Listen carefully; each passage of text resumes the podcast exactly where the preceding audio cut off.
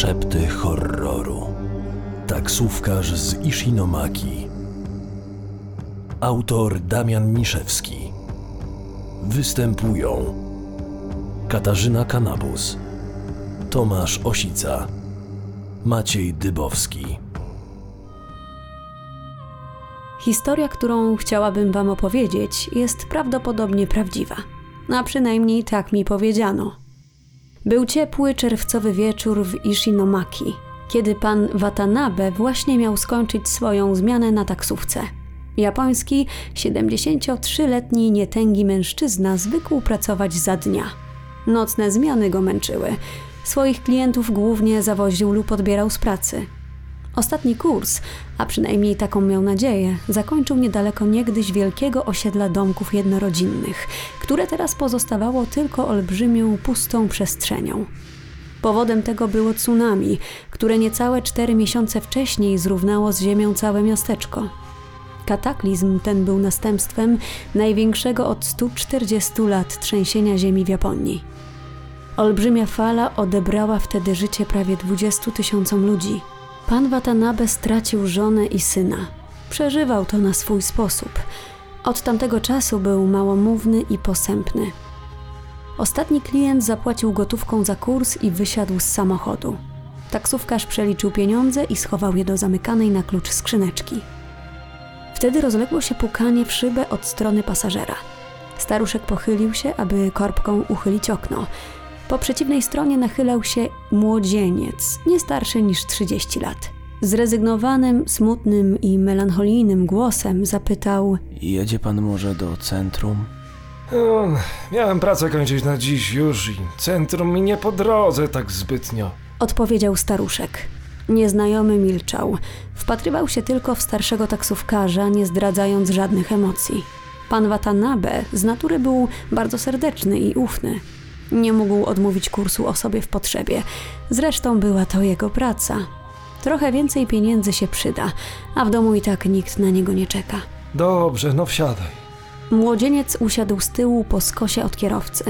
Taksówkarz uruchomił licznik i ruszył w stronę centrum. Ton głosu nieznajomego nie zdziwił staruszka. Przez tragedię, jaka dotknęła całą Japonię, ciężko było spotkać pogodną osobę. Bardziej podejrzany był ubiór młodego mężczyzny. Cały dzień temperatura nie schodziła poniżej 26 stopni. Klimatyzacja w taksówce pracowała bez przerwy, a tu pod wieczór pojawia się ten młodzieniec ubrany w gruby zimowy płaszcz. Pan Watanabe rzadko rozpoczynał konwersacje ze swoimi pasażerami, ale kwestia okrycia zaciekawiła go. W płaszczu? W taki ciepły dzień? Zapytał niepewnie. Tym razem ton głosu osoby siedzącej z tyłu ze zrezygnowanego i smutnego przeszedł w lekko gniewny i mroczny. Gdy wychodziłem z domu, padał śnieg. Odpowiedział nieprzyjemnie wolno. Taksówkarz mocno zmarszczył brwi. Ostatni śnieg padał przecież cztery miesiące temu, pomyślał. Jednak ze względu na nieprzyjemny ton chłopaka, postanowił nie kontynuować rozmowy. Przez całą drogę nieznajomy wpatrywał się w okno bez żadnej emocji na twarzy.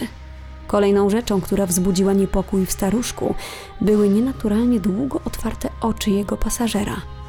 Każdy człowiek przecież mruga raz na jakiś czas, a on tego nie robił.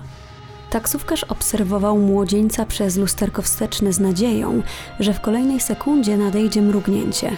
I w kolejnej, i w kolejnej. Tymczasem on nie mrugał. Wcale.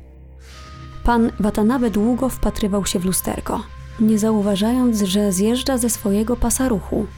W ostatniej chwili szarpnął kierownicą i o kilka centymetrów uniknął zderzenia z samochodem jadącym z naprzeciwka. Nawet wtedy nieznajomy pozostawał niewzruszony. Adrenalina wypełniła żyły taksówkarza.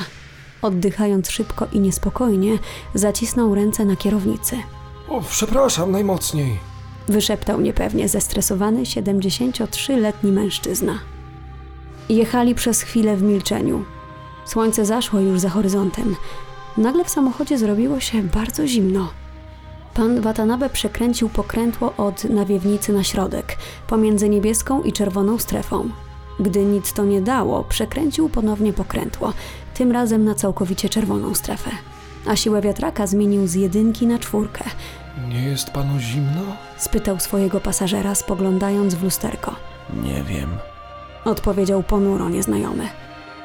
Taksówkarz wzdrygnął się, bo dostrzegł coś, co nie mogło mieć miejsca ciepłego, czerwcowego wieczoru. Przydrożne latarnie zapaliły się dopiero przed chwilą, a ich światło znikomo oświetlało tylną część wnętrza samochodu. Choć było ciemno, pan Watanabe mógł przysiąc, że w miejscu, gdzie młodzieniec opierał głowę o okno, na szybie pojawił się szron. Właśnie wjeżdżali na most, więc starszy mężczyzna postanowił dopytać się o konkretny cel podróży. Spoglądając po raz kolejny w lusterko, zapytał. A dokąd dokładnie? Urwał w połowie zdania, gdy zdał sobie sprawę, że w lusterku nikogo nie ma. Odkręcił się przez ramię. Jego pasażer zniknął. Pan Watanabe gwałtownie zatrzymał samochód na środku mostu. Czując narastające przerażenie, otworzył drzwi, aby jak najszybciej wysiąść z samochodu. Coś go zatrzymało w fotelu. Bicie serca przyspieszyło. Rozejrzał się chaotycznie po samochodzie. Nie odpiął pasów. Próbował to zrobić teraz. Im szybciej chciał to zrobić, tym bardziej mu się to nie udawało. Jednocześnie wciskał guzik i szarpał się z pasami. W końcu puściły. Wyszedł na zewnątrz. Rozejrzał się po całym mieście. Nikogo. Tylko samochody. Temperatura w taksówce, gdzie ogrzewanie było włączone na maksimum, była o wiele niższa niż na zewnątrz. Pan Watanabe zaczął obchodzić samochód z daleka, pochylając się, aby zajrzeć przez tylne szyby. Trąbiące samochody, mijające go na moście, nie pomagały w zachowaniu spokoju. To było niemożliwe. Przecież młodzieniec z nim rozmawiał. Przecież wsiadł do samochodu, przecież zapukał w szybę. Przecież był na tylnym siedzeniu. Taksówkarz sobie tego nie wymyślił. Nieznajomy nie mógł też wyskoczyć z samochodu. Drzwi były zablokowane na czas jazdy. Kilkadziesiąt minut później pan Watanabe wracał przerażony do domu, cały czas spoglądając przez wsteczne lusterko na pustą tylną kanapę. Tego dnia musiał zapłacić za przejazd do centrum z własnej kieszeni. Kolejnych dniach staruszek podzielił się swoją opowieścią z innymi kierowcami taksówek. Okazało się, że większość miała podobne doświadczenie, ale za każdym razem była to inna osoba. Brunet, blondyn, starszy, młodszy, kobieta, mężczyzna czy nawet matka z dzieckiem. Wszyscy zachowywali się w ten sam sposób i wszyscy zniknęli przed końcem podróży.